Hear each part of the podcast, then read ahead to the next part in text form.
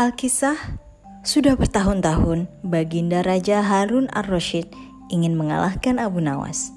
Namun, perangkap-perangkap yang selama ini dibuat semua bisa diatasi dengan cara-cara yang cemerlang oleh Abu Nawas. Baginda Raja tidak putus asa. Masih ada puluhan tipu muslihat untuk menjerat Abu Nawas. Seperti apa kisahnya? Kita simak ya.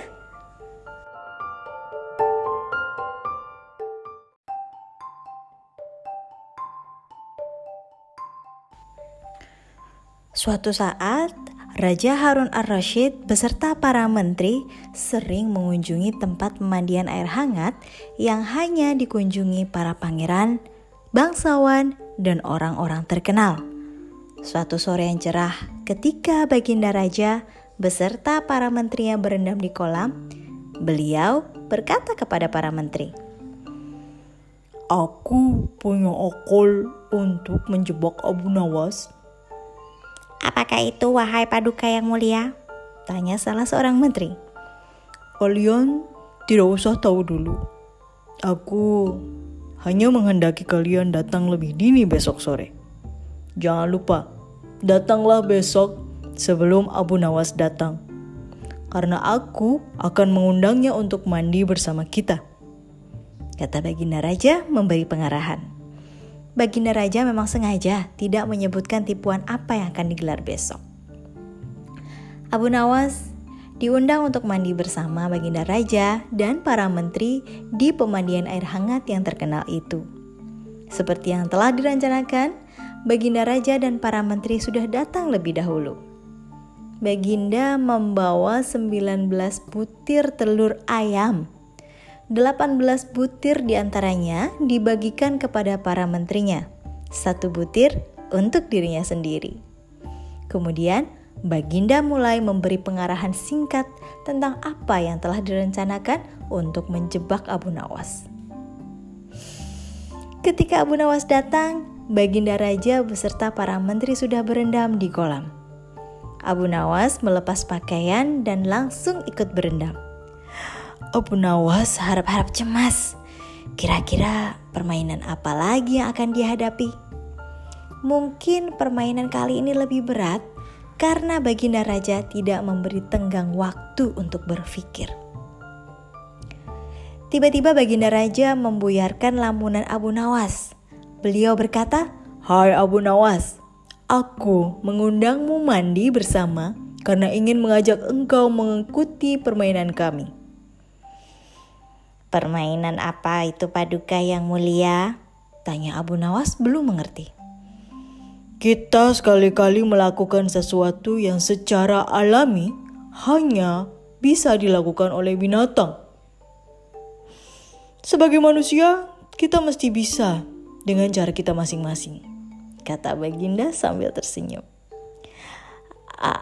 Hamba belum mengerti Baginda yang mulia kata Abu Nawas boleh ketakutan.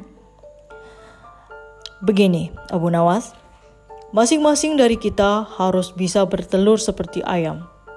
Dan barang siapa yang tidak bisa bertelur, maka dia harus dihukum.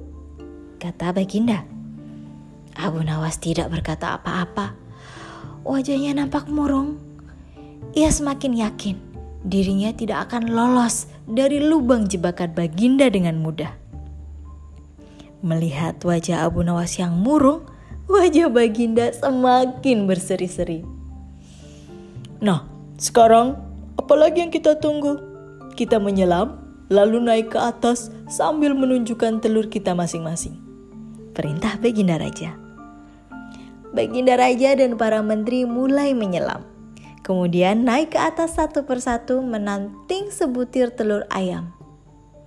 Hmm, Abu Nawas masih di dalam kolam, ia tentu saja tidak sempat mempersiapkan telur karena dia memang tidak tahu kalau ia diharuskan bertelur seperti ayam.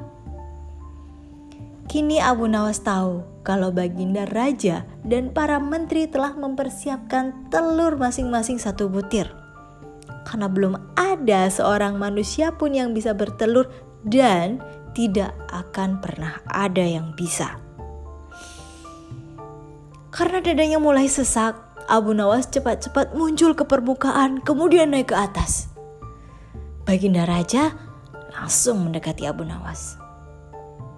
Abu Nawas nampak tenang. Bahkan ia berlaku aneh. Tiba-tiba saja ia mengeluarkan suara seperti ayam jantan berkokok, keras sekali. Sehingga Baginda dan para menteri yang merasa heran. Ampun tuanku yang mulia, hamba tidak bisa bertelur seperti Baginda dan para menteri. Kata Abu Nawas sambil membungkuk hormat. Kalau begitu, kau harus dihukum. Kata Baginda dengan bangga. Tunggu dulu, Wahai tuanku yang mulia, kata Abu Nawas memohon. Apalagi hai Abu Nawas, kata Baginda tidak sabar. Paduka yang mulia, sebelumnya izinkan hamba membela diri. Sebenarnya kalau mau bertelur, hamba tentu mampu. Tetapi hamba merasa menjadi ayam jantan, maka hamba tidak bertelur. Hanya ayam betina saja yang bisa bertelur. Kukuruyu